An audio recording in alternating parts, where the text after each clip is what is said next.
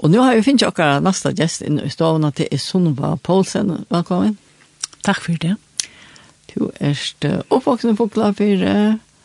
og du borste på Klafire, men du er ikke alltid mer på Klafire. Du är snarare Philips och Stefan et høyre syndrom. Ja. Ja. ja. Men kan du bare si en lydsen først om din um, din barndoms og ungdomsår och på Klafire? Ja. Ehm jeg er født 93, Jeg blir 93, og jeg er født i oppvukla for. Ja. tjokkon, heima til mamma dømmen. Jeg tar det høyme, og mine badene høyme, som er i som er vær i Nujjan år, til det begynte jeg å flytte ut. Jeg har fem til ut av Katrine og Jakob Peter. Mamma døy så for nøkken år siden jeg krabba meg. Og pappa er fem og fors, og hever, det triver jeg godt, raske med over. Så har vi fyra systrar, som... Fyra systrar? Ja, vi er fem. Å oh, ja? Ja. Vi har virkelig haft ordentlig godt sammen, alle fem, og det har vi. Vi har virkelig godt sammen. At Alle bygger for Jan? Og en bor i Åttanland, min eldste søster bor i Åttanland, og så bygger vi i så sannig. Ja. Tror ikke jeg fugler fire, og en her i havn. Ja. Ja. Og vi møtes virkelig og kommer vel sammen og finner til hva til tog. Og så har vi vært aktiv på ymsa måter, eller mine ungdomsår, og Det var øyelig inn at man sang i jentekår i Foklafyre. Ja, altså, jeg vet ikke om fullfringer i musikalske nonner, men... Det var alltid alltid vært øyelig når jeg sang og, ja. og når jeg mentene lov i Foklafyre. Ja. ja. Og da jeg var parster av jentekår nå, Kjærfrid Johansen og Nekvar. Var det det? Ja. Det var en øyelig gøy tog, og så er vi... Ja, vi er parster av til Dakla Løven og vi Foklafyre, alt min ungdomsår i... Og når vi møtte henne, og aktiv, og har man beskjønne, og i tabor. Og så har vi også vært utdrakte, spalt flåbalt, ja. vi skjøte, og det kvar. Og du var med? Og så har vi så med. Ja. Det var også en kappsvimming i nøkker år. Var det det? Så tull i morgenen. Ja. Ta fem år, da tull i opp. Alt er veldig aktiv, ja. Det er alt vi begynner klokka godt seks om morgenen, men så får alt for opp klokka seks. Ja. Ja. Og tull i sång. Ja. Til en sånn. Det er krav til det, ja. Ja, men du minnes eisen er sin til Kjaldmisjonen, ja? Ja, det er kjeri. Det var så sånn at um, Mostermoen og det som vi akkurat vil øyde at det er bare Mostergruppe, Johannes og Borgel Olsen. Å, ja. Og de hadde kampe også. Og, og det er gøtt for. Jeg minnes mest tøyene av gøtt for. Det er ikke alt det her, ja. Og det er oppåst tog man haft det med Edle Gjørd Rysjevrøl. Jeg var øyne hver, så tar med vikskiften. Ja, det var særlig tog. Og det er vel å komme og møte i Kjaldmisjonen. Ja. Men tog i da, altså, min oppvøkst, var vi alltid i kyrkje og sundagsskola, og å møte om kveldet. og faktisk minnes jeg det som jeg ikke mer domte. Det var ikke noe du nødtøst. Altså, jeg vill alltid ha åkken vi. Ja. Ja. Men mer domt faktiskt att komma över östen i ungdomsnämnd och så och i tapor och og vara en aktiv pastor av tog, ja. Ja. Så ble det mer till att det tillträcktes mer, men för något ur hinom för en för några år sedan hver i mera vitje, inte en lotor aktiv pastor av tog, ja, men Men det er lagt meg ögonen godt i bøyne i tapor i missionsen. Det minns du gott då. Ja, Og så alt det møtet var i, i kjaldmøtene ut her, det tiltrekte meg. Ja. Og her tog jeg faktisk alle møte i SR.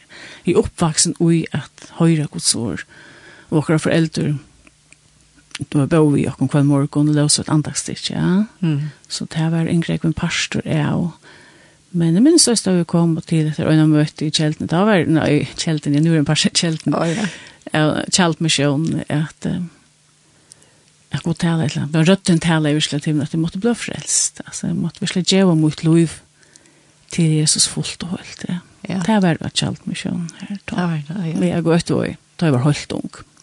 Jeg svir svärmorgon. Teenager. Et Ett tølv år. Ja. Er sånn, Ja. Så det hänt näkt at det var en helt særstøk, tror jag. Man hører nek om man minns det snäka av det. Ja jeg minnes det bare øyla godt, og øyla godt, og sånn fyr og kom bøten. Altså, jeg var så øyla nekk folk. Ja. Det var ju som hörde kampevåkner, og vi hade det visst. Og det var inte helt särligt i kampevåknar nästan. Ja, ja. Det er och så var det en sånn pissevåknar kallar vi det her, en sånn kaff kaffestova. Och ja. ja. Här blev det ju inte hjälpa till och sånt. Ja. Här har mätt att när möten eller mittlige møten, jeg var jo en ek møter, og vi kjenner og geston og, og minst näck folk kom. Ja hver sommer til møter, ja. Du, um, du var ikke hvordan jeg var at det var, at det var... Jeg var ikke faktisk ikke. Ja. Altså, Jeg minns at vi kom her nøkker år. Ja. Og hver så.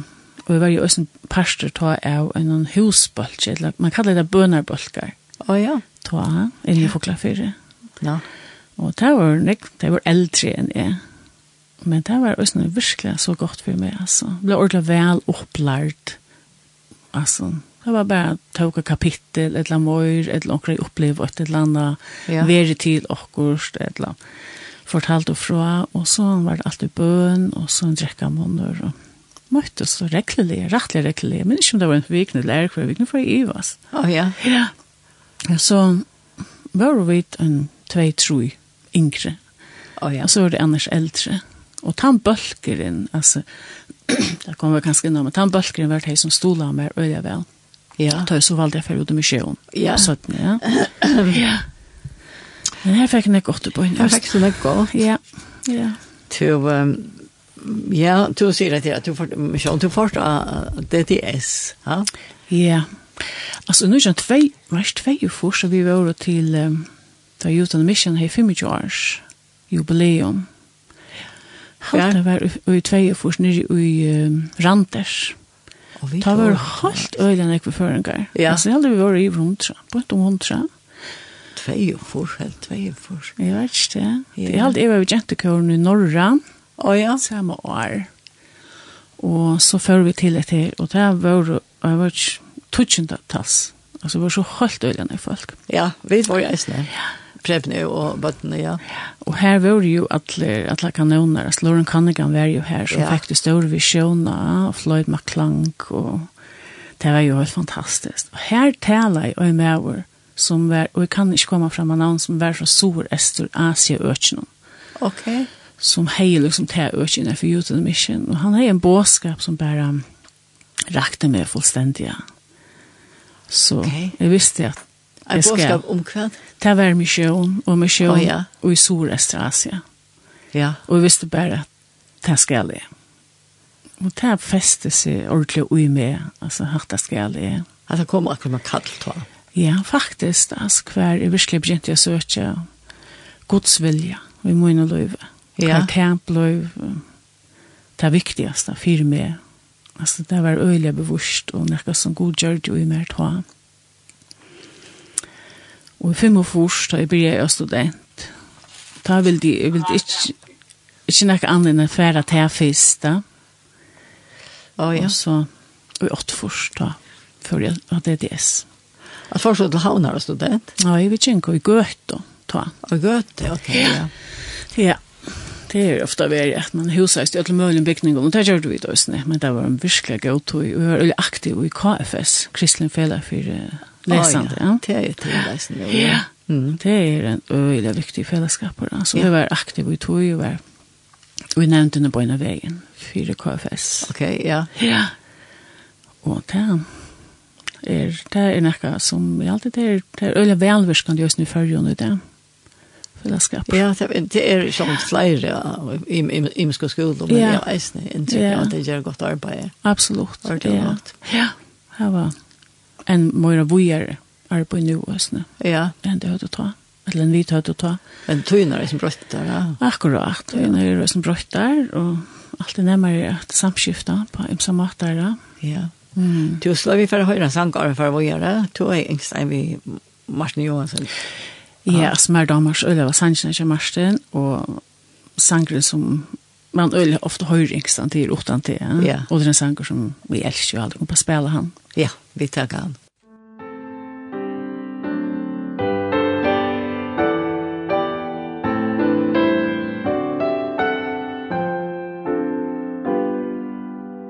Utan till Vär tögnin tøm Ljöse utan lit Og ljöm Skalaborg i en grav år vær.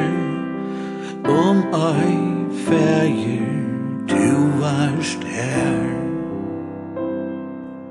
Utan til ver dævur nått Sjålen åtte ångan mått Utan til ver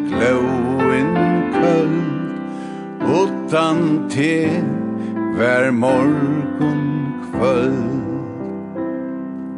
Ta mun brekka Gjerst og brøtt.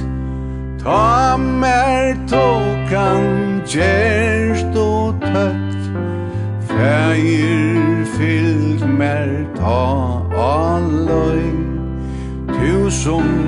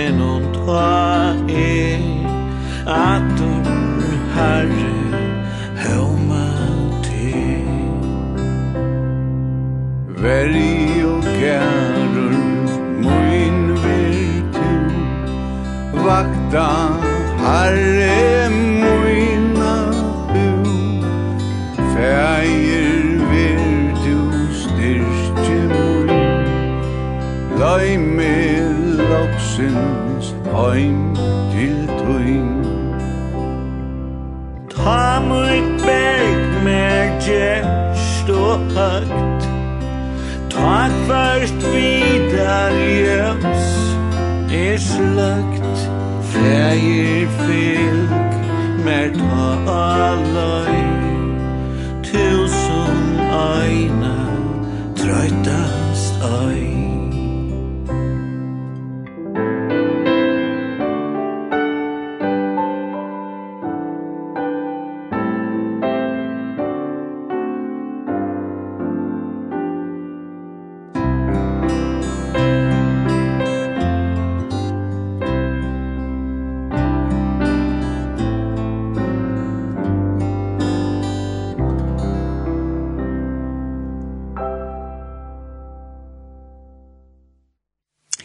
her hørte vi uh, kjenta sangen til Marsten Johansen, utan til, og han sanka sammen vi Olav i Høykort.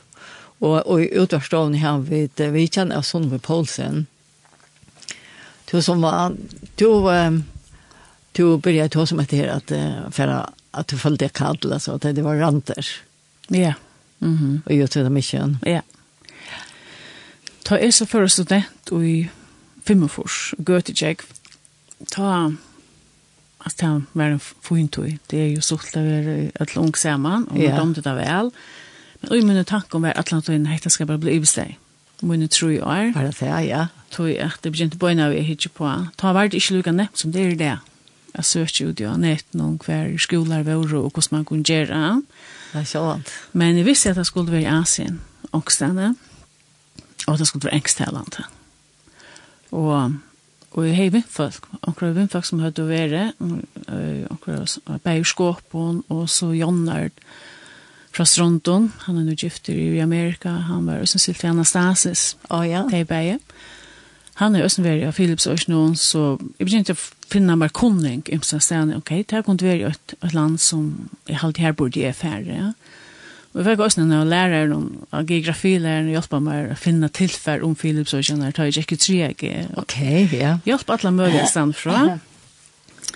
Og så søkte jeg, og jeg slapp inn til dette her DTS, Discipleship Training School, som jeg kvirs i Antipolo i Manila. Og her før jeg i september, med Susanne Hammer, var røysene, hun var øyne av dem som arbeidde på skolen. Var den her i Bruta? Ja. Yeah. Oh. Så vi fyllte oss i vår, og så Og det var jeg, og så var en tysk, og en fra Kanada, og två fra Amerika, og så var og resten var fra Philipsøsjonen. Nøklunda fordøylt, jenter og dronjer, og vi bo i en sånn stårum huse. Minst vi var tjej, jenter inne i kameran, og rævlig hørt sjående. Og, ja. ja. Og tjej, jenter i kameran, og vi tog øyne brusa, som ikke var en brusa. Det var så størst kær, man fyllte jo i avstrøspunkt av døgnet, vi kølte om vattnet. Å oh, ja? Og vaska og klær utenfor vi hånd, vi kølte om vattnet. Og det var jo sjokk hos jeg selv om. Men, um, men sånn tett her, skal jeg gjøre fullt ut. Tog at dette er vi drømt om. Å komme, hva jeg er for å bære. Ja. Og så har man jo også tanker om at hva kan jeg lære? Tog at jeg er oppvaksen og har finnet fra batsbøyen av Guds år. Og man held det som ordentlig, men jeg har tenkt på plåsa. Men båskapen, nekker underviser er, det var, det var helt fantastisk. Altså. Kom der Ipsastand fra? Ja, der kom Ipsastand fra. Å oh, ja. Og alt som er som brøtte mot lov øyla nekvær, det var et her vi stittler stund sammenvis. Og det har vært han som er aller, aller mest høy med meg at uh, vi tenker til togene. Ta vær er jo ung og leis. Altså, ta hei man jo nekva tøy, ja. Ja, ja. ja. Og ja, nå er jeg eldre og atleis. Og min arbeid, ja, men ta en tøyen er være her og lære noen, noen grunnregler, noen grunnprinsipp om Guds egenløyger og om at leva saman vi ur mennesker, og grunnleggjande om misjon, at sutja høymen, og at det ikke er bare veri snall vi er her, bare som to liv og sjálv. Ja. Mm. Og det det er brøyte virkelig nekka, og så var vi sånn små outreach med vi gikk, og med en med en undervisningar perioden vær, som man kallar det, teaching, og så outreach, ja. men vi gjør det sånn små hver vi får ut at hjelpa til, eller vi får ut at evangelisera, gert evangelisering og så. Men så var vi i en slumme som er Smoky Mountain og hjelpte til. Her har jeg vært uh, tyfoner rekker jo ofte Manila. Ja. Og Philips og kjennere, og her ivre. Og her er vi vært en sorg. Så vi var begynne å komme og hjelpe til av basen i her. Vi er med, med utbering og så. Altså, det er base her av stedet? Ja, De hadde en stor basa som er et balut, øke øyde et balut, og ligger i tonto. Og heit, så kordet vi til her, og det gjør det nækka vi med at hette til, jeg skal gå og tale i ordla til meg. Jeg skal ja. gjøre nækka mine lov til å sove sted, og få døme som jeg så levde i, at jeg kunne gjøre nækka. Man kunne gjøre mån? Ja. Ja. Det var jo også med at det er... Um uh, Haiti, eller kan man säga, tja, det Mission, det är rätt det första kom man säga, man lär god att känna.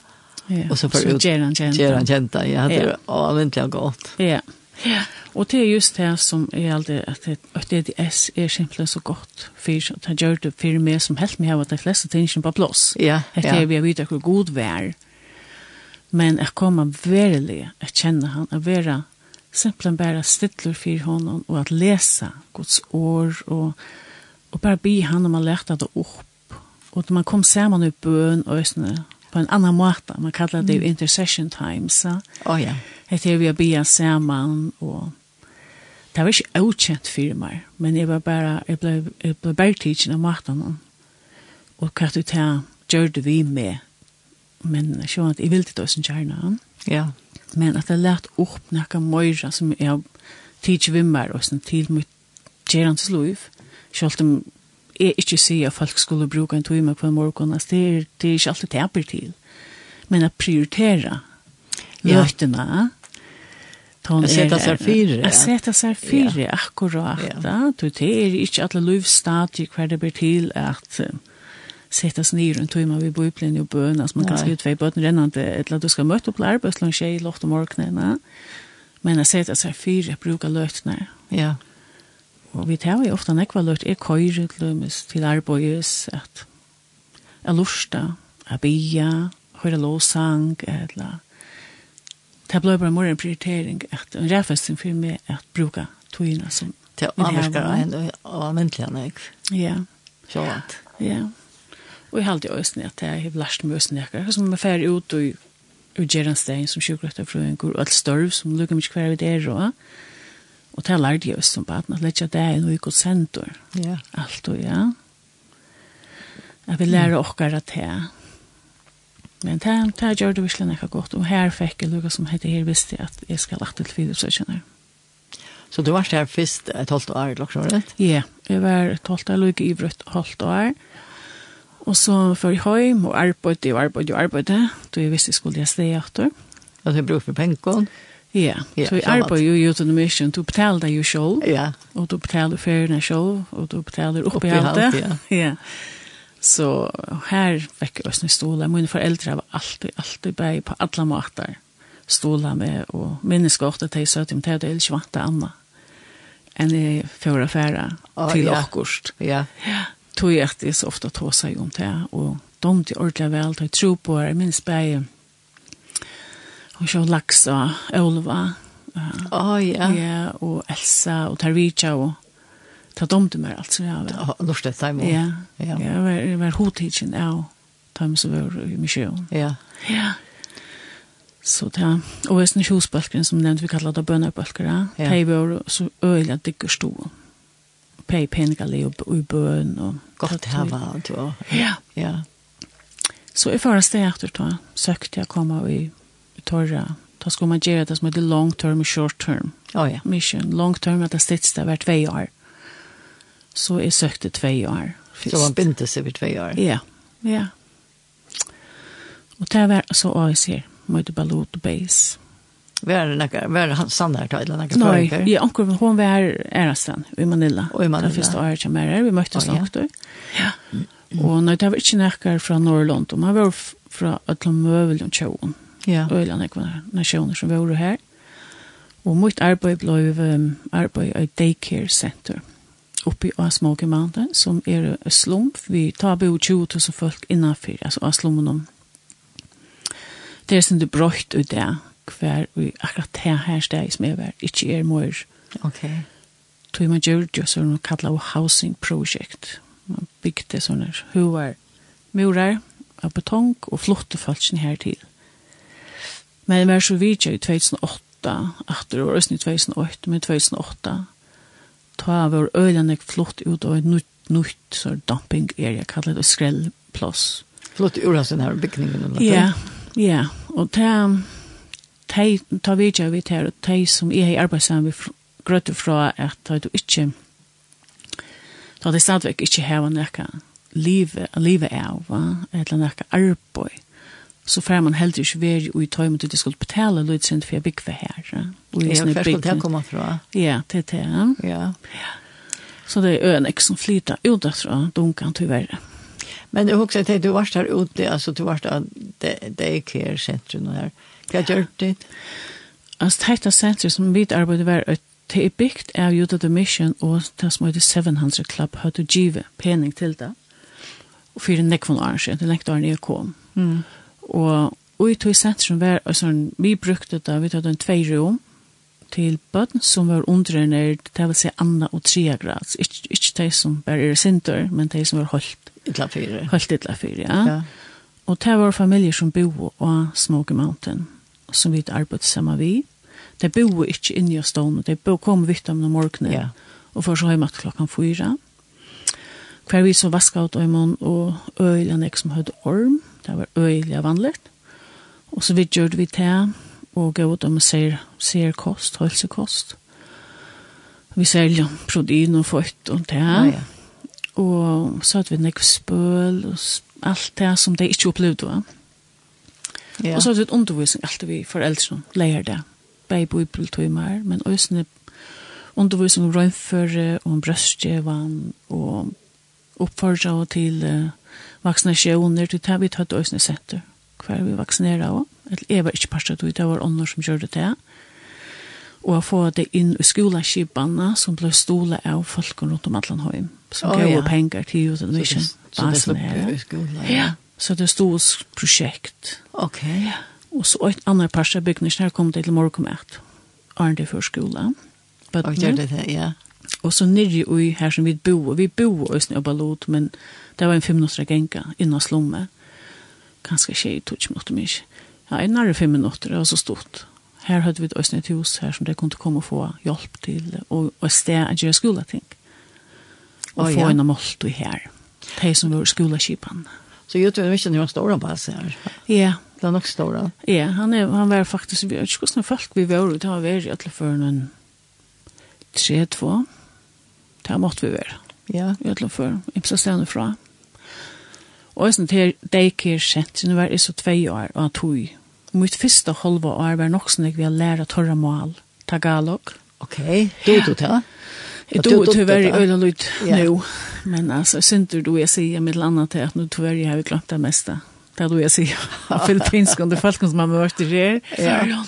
Men det skulle vi, og så fingu sindri og malar undervisning, men det mesta var å vitja familjenar av Smoky Mountain oh, ja. og tåsa torra mal her inne i torra høymon. Ja, ja. Sjálva var det tuttinga mykje at du tog malet da. Ja, ja. Annars ja. var Filippiner øyla var lengst. Då der, ja? Ja, rettelig vel. Så det kan man bruka. Men altså, det ble sindri amarska nekva at de som vi møtte var fullstendig ålærd folk. Ja, ja. Ja, så det var viktig at vi tog grunnleggen torra mal. Tvei år. Ja. Her blei vi så i tveier, var hjemme ferie og støyne finne middelen, fikk arbeid til sin dør. Og så annars var jeg her, ja, inntil um, da i tvei årene var vi er Leo, akkurat som tøyelian som er mest at jeg skulle til ferie, lukka tøyelian mest at nå tog jeg for heim. Sånn, ja, det er fantastisk, va? Ja, og det, det var ønsken ive, faktisk, altså. Mm. Men uh, det var nek større strøy for meg enn å fære Mm Men det där. Det är allt det riktiga färra. Ja, det var det. Ja.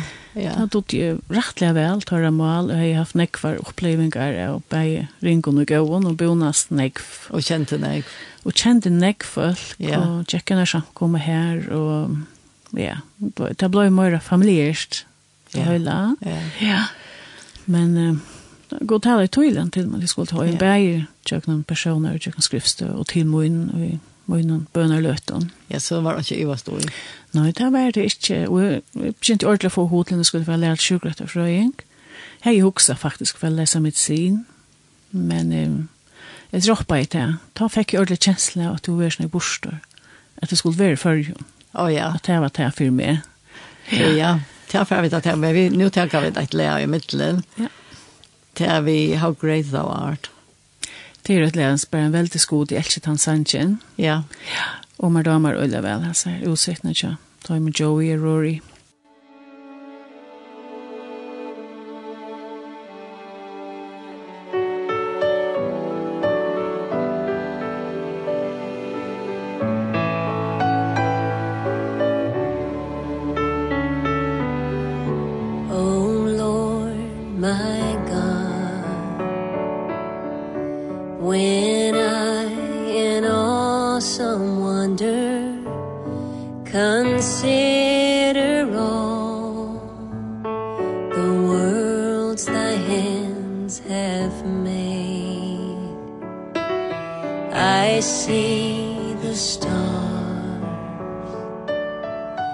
I hear the rolling thunder Thy power throughout. The universe display. Then sing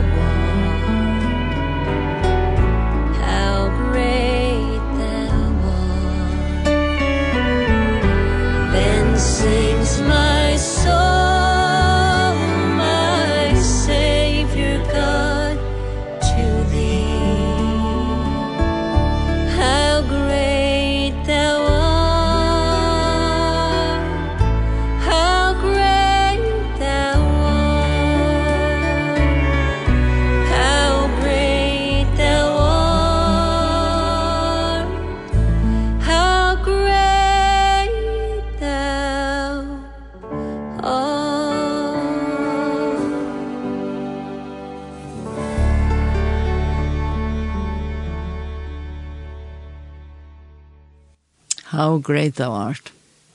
For mig til god to herre erst, ja. Mm. Vi har vi kjenner, og sånn med Paulsen, og vi tar ta oss om, om uh, tog natur vi i Philips, og det var nekva anna. Vi kunne ta oss om, men tog en hånd og ganger alle togene. Ja, og renner oss det. Og renner oss det, ja. Så at, uh, men to kom så til førjer at det tar. Jeg kom til førjer i 1,5. Da førjer, jeg jeg var sluppet inn i 20 år, røkte jeg fra i skolen. Å ja. Ja som tar sjukresist i skolan men brøtte stort etter vi var börjar. Det var faktisk den neste holdet som för iver til den nya kiparna. Kvar vi da då inte sjukrutter fröingar. Og er man bachelor da? Jeg er ikke bachelor. Du er ikke bachelor? Jeg tar meg det ikke bachelor. Okay. Så er det at du blir sånn, ja. ja. Det er en bachelor i oppbyggving, ja. Ja. ja. Men jeg begynte i øynene fem, så bo jeg B5 ta.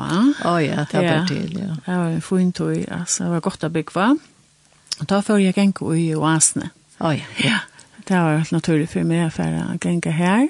Det gikk jo som er tilknyttet kjelten i Østene, ja. Ta ja. Og Arne Førg Philips og kjenner, ja. Og det var jo, jeg ble sendt her utfra til gamle kjelten som vi kan klare. Å, hva så det, ja. Ja, ja, fra gamle kjelten. Og vi var jo så ekvta som hadde DDS, som av åkken unge, og i kjelten var Østene i, i ungdomsbølse, og så var det her var, jeg var jo Østene aktiv. Ja. Det var for en gengene jeg må gjøre i, i kjeltene. Mm. Ja. Og, og så før jeg gikk i Asne, da skulle jeg bygge i havn. Ja. Og jeg alltid til mot første møte her i Asne, da var det om kvølte. Da møtte jeg, da så jeg mann, atast av bak, som at han kjerk og hørte så søtt nytt av kvølte. Og vi ble jo vi folk og holdt av skjøttene, så var det vidt. Jeg savnet, det var første kvølte. Ja. Ja. Så han kjerk sier alt det var god givet, og det det, det var det nok. Var det nok. Ja. ja det, det var det helt visst. Altså. Ja. ja. Og vi ble så gift et eller annet måneder, at når vi bestämde oss for att vi skulle være forlovet. Men så ble ja. vi gift et eller annet måneder. Ja. Og ble jo en tillvaro i, i havn, Hver i, jeg var så leo i 5,5. Jeg lærte 20 efter frøyen. Og jeg ble jo innenfor det eh, skor, men mest kjøft at jeg var mer til det medisinska. Å oh, ja. Ja, Så, så tar jag jag tar vi då två bøten, först Vi det var tre bøten, Hanna och Andreas och Eli. Det bygger oss ut i Danmark og løtene, ja. Å, det er det ikke ja. likt. Men til å lese her nere, og til jeg var alle vidt av Østen Trus svigerbøten, så... Å, ja, ja. Og det er lagt å komme til Danmark. Det er så døylig lagt å komme til Danmark, ja. Ja. Og jo, har vi jo vært i Danmark det sørste året og arbeidt. Og jeg krabber min stolt her. Å oh, ja. Nå var jo Jansi på et år, og det er min store av innenfor sjukrøkta fagje. Det er et arbeid innenfor krabber min sjukrøkt. Ja, her fast du. Det er jo som det som jeg vil drive mest i. Ja. Og skvar, hvis man kallar det, man har en, en passion for noen, så er det mest det som jeg oh, ja. arbeider innenfor. Så jeg valgte jeg har vært på seks og tre år, ta för vi så en tur till Australien. Kanske man skulle komma in och ta hem Moira än att vi gjorde det DDS att trätt och ta var det familje det DDS. Så det får ett där. Ja, ta hade vi två på. Ja ja. Taking så en daycare center här. Och ta så en som brett att han har stått att då. Ja, det är så enskon, australsk enskon ut att undervisa att läsa från. Ta att vi valt så snett, du är ju just det yes. Ja. Att han schackar och sånt han som skulle få all undervisningen vi så var några på nå så jag är det. Ja. Och ta för atle alla filosofiskt outreach. Och för så ta för vi vet jag några tom stöv samma med på som är här till. Ja, det var ja. gott da. Det var ordentlig godt, ja. Det var en god tog for åkken, og det var også mest åkker, eller fram bojer, ja. Yeah. Og hun var fire misjon, og stolen misjon, og var en parster av tog. Men vi tar oss ikke være stedet etter annan vill det var färast av Philips och så men vi det inte väl ute i mission och där fick jag oss en fri fyr ja. Och arbetade landskrus någon och så för Jeg får åter tog timmar lönt av landskrus någon så visste jeg seg vi var vi baden vi Eli da vi kom åter och så valde vi faktiskt att flytta norrrätt vi då selt dere hus och allt det i havn da vi får och så valde vi att färra till Foklafjärd och Bikva Jag sjekk og fikk arbeid her, og jeg får i Orlov, Og bygde vi dokken hus synder skjøttene. Oh, ja. Her på en, Og Så tog jeg vakt i Emsa stedene, etter å bli seks. De har domt i øyne vel av bli seks, hver vi tøtt og øyne nek spesiale, men øyne høyte krabba med sjuklingar ja. inni her, som kanskje er i jønkere vidtjer, og kom inn vi nye skjøtten allmenn tilstand, etla poine linnan, etla poine optimering, som vi kallar det, poine vidtjers optimering, og eller etla det her var få kemur vi til anna og få avskan av tog, ja, og bruk for å komme inn av sjukkrosvinna tog. Jo, men, men og nærheten så er det, var var å ha en hospice når man har Ja, det var at jeg og Jeg har alltid drømt om å prøve å arbeide i en hospice. Jeg arbeidde i Lakna Vital i fem år for klafire. Og gjør du det? Ja, og et år gøtt. Og som part, så hej så tror han affärer på en Hospice. Ja. Så får det ner till uh, vid det Anker Fjord Hospice. Ja. Hette är årsskiften 11 och 12. Halvtid vi var då. Ja. Och i tror jag man. Det var fantastiskt. Alltså jag det. Ja, ja. har lært henne gøys nei. Ja, holdt nei, altså. Jeg holdt nei om palliasjon eller om linnan, Ja. Og at det var et arbeidsøk med dem til ordentlig vel. Så jeg var i Og her heima aftur så var ja, jeg sier seks årene i Estrødne, og i lakna vidt eller arbeid i Østene, og i, som heima sjurrøtter fra her inne, i Estrødne. Og så arbeid i tru år, lakna vidt i Milon. Men var langt, det ble vi langt etter tog jeg kom atter til til vi klappa med sjurrøkt, så vi får atter på seks. Ja. Så jeg var hette satt år, hver så valgte jeg for at Leveile i fjør at arbeid bare ved kroppen med sjukrøkt, inn i og når sånn kjørt og hele veien. Ja, så jeg blir etter nå arbeid seks i 1. februar. Jo, en jeg var jeg sier Arne som tog arbeid, en jeg var hent vi vidtjerne. Ja, altså selv var vidtjerne, jeg har ikke vært sånn jeg var være, men altså, det er jo øyne jeg var vidtjerne kom nær at tre. Ja. Og i det øyne finnes jeg mer vidtjerne hjem til forrige. Det er tøtninger vidtjerne. Det er det som er, ja. og øy, altså minst jeg snakket om det om det, men hvordan vi stråler, og det er ikke stråler i førje, og det her kommer det ikke, da flyter det nye, og når jeg kommer vi ikke, må folk flyter nye, eller i vi ikke, altså. Og det var det helt imponerende, altså, hvordan man klarer det her. Ja. Jeg flyter hjemme fra. Ja, jeg træt. Jeg træt og. Ja, det er sannhet. Tog jeg folk var tidsen og sin egnar på i Øsne, tog jeg at de fleste har brug for onker vi. Ja, ganske mye skal vi, ja. Vi er nere i Florida, eller viker. Viker, ja. Og tog er det fantastisk, når vi tar finnes i morgen, som Jansi, vi er inne og hørte igjen av årene, at vi tar finnes jo sånne jeg var hjem til førje. Og vi sørger det så mye av døltene kanskje ta i det ja. til Da det ganske unge brune et eller annet til immunverjen er jo sli nesten nye, da? Vi de fleste vi kjer ja. og så er det jo lättare utsett for å få omkring, omkring bruna eller annan. Ja, så. Ja. Men det är också en del, då som det är över hatt det jo eisne en ordentlig misjon.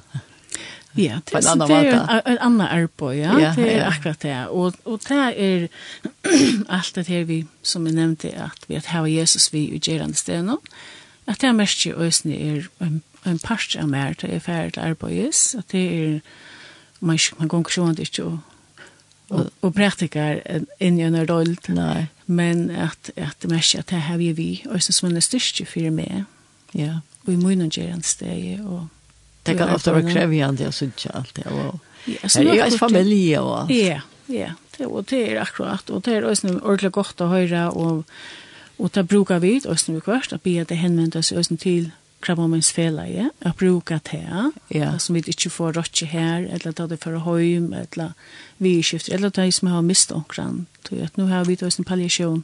Ja, ja og at dolten Man lukkar seg hva palliasjon er, jeg vet ikke hva det. Ja, palliasjon er altså du kan vite hva du ikke kan erst vi kan sterke møterne vidtjer møyra. Man kan også være palliativare vidtjer, luftslunjande vidtjer, oh, ja. at et eller annet, men det er flere som kommer her til at du ikke kanst vidtjerast møyra. Hver du for det vil handla møyra om en linna og luftkvalitet. Ja. Yeah og å få at her som den viktigste og altså, i familiene og i sjuka og, og få linne symptomer fra sjukene, pøyne og vaml og andre ting, ja likamsala og anda. Ja, det er det. Haltar menneske, det kan man säga. Det är haltar menneske, allan vägen som vi skulle hem i hova. Ja. Ja. og da tar vi ut om likamlig och salarlig och omsorgan. Ja. Ja som alt er en pastor av til linnande sjukrarøkten i palliasjonen. Ja. ja. Som gonger fyrir seg bei heima og ut til Alarskrosen og och Ja. Og Ærastan, ja. Det, ja, ja. ja. Og til Dolte men nå har vi så tver palliasjonstover her. Og til tver stover? Ja, som er i plass for familiene, og det er utsender så nek som det nu kan gjøres i ja. noen sjukhus, ja. Ja. Ja. Det er tøtninger vi gjøres. Ja, Ja. ja. visst. Ja to av vi då ikke mer det halt. Nej, det er så tjut. Tog er ronnen. Tog ner ronnen nästan. og det er är sera sera och inte bara avvärst men det er aktuelt det som vi tar oss om. Och hände det Hetta pratar vi sent kväll, det lenda sendingen vi ändrar sent kväll klockan halv åtta. Så hvis du ikke finner alt vi, så kan du lufta til å eisne. Men så var jeg for å takke deg for at du komst. Michelle, takk. Og vi får enda ved en øresanje som du eisen nevnte. Det var uh, This Is Now. Ja, yeah, This Is Now. Vi Casting Crowns. Ja. Yeah. Casting Crowns her hos gå av Sanje. Altså det er så Nekva Sanje man kan melja. I lust øya ikke til Lå Sanje. Det er så det, ja. Men Casting Crowns, hans nær, This Is Now er akkurat som at vi føyla om vi koppa, eller vi ikke lever opp til det som vi engst da, ja. som tryggvande, så er så er Jesus her, hette tog jo nå, er i er, ja. ja. ja. Og det kan man oppleve i alle mye skift. Takk for det. Takk selv.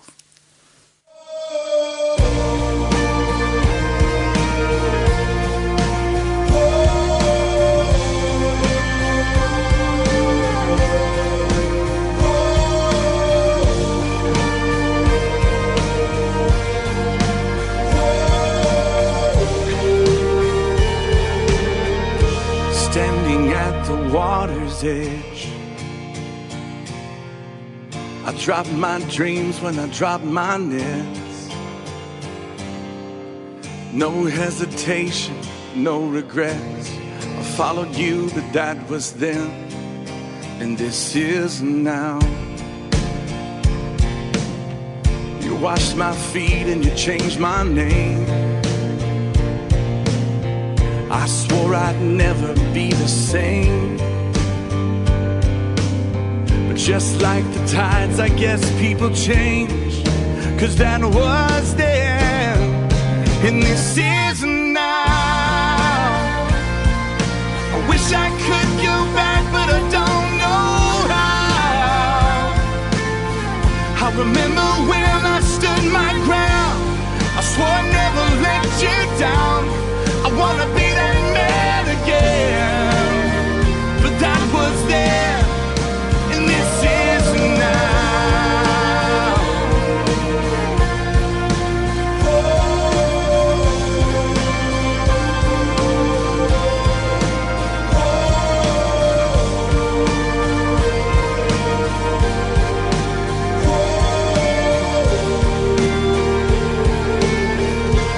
watched a blind man lift his head.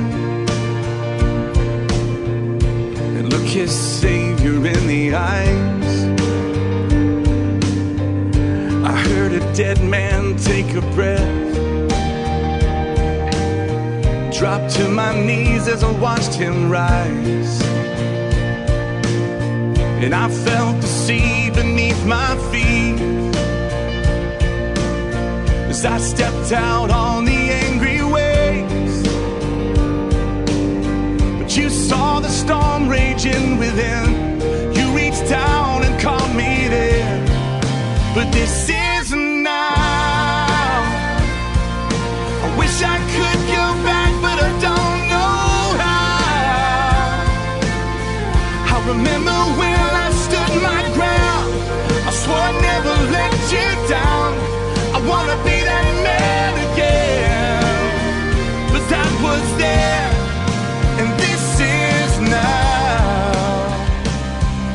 Just when I thought my sin had closed the door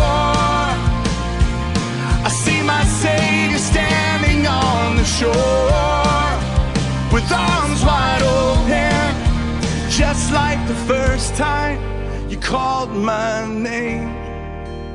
You said that was then And this is now.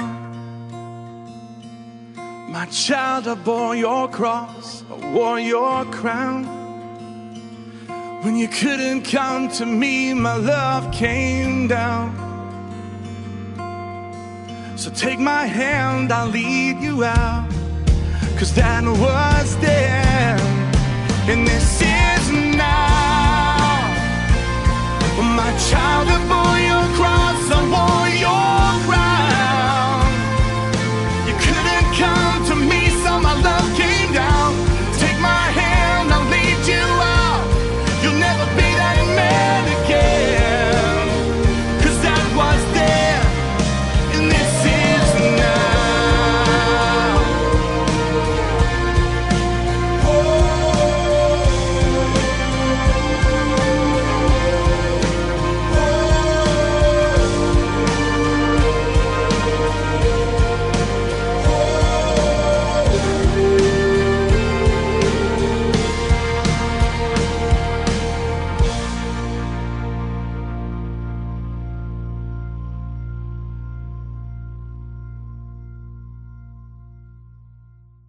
This is now. Og hette her, enda sannsyn hørte vi at han har pratet vi Sundve Poulsen.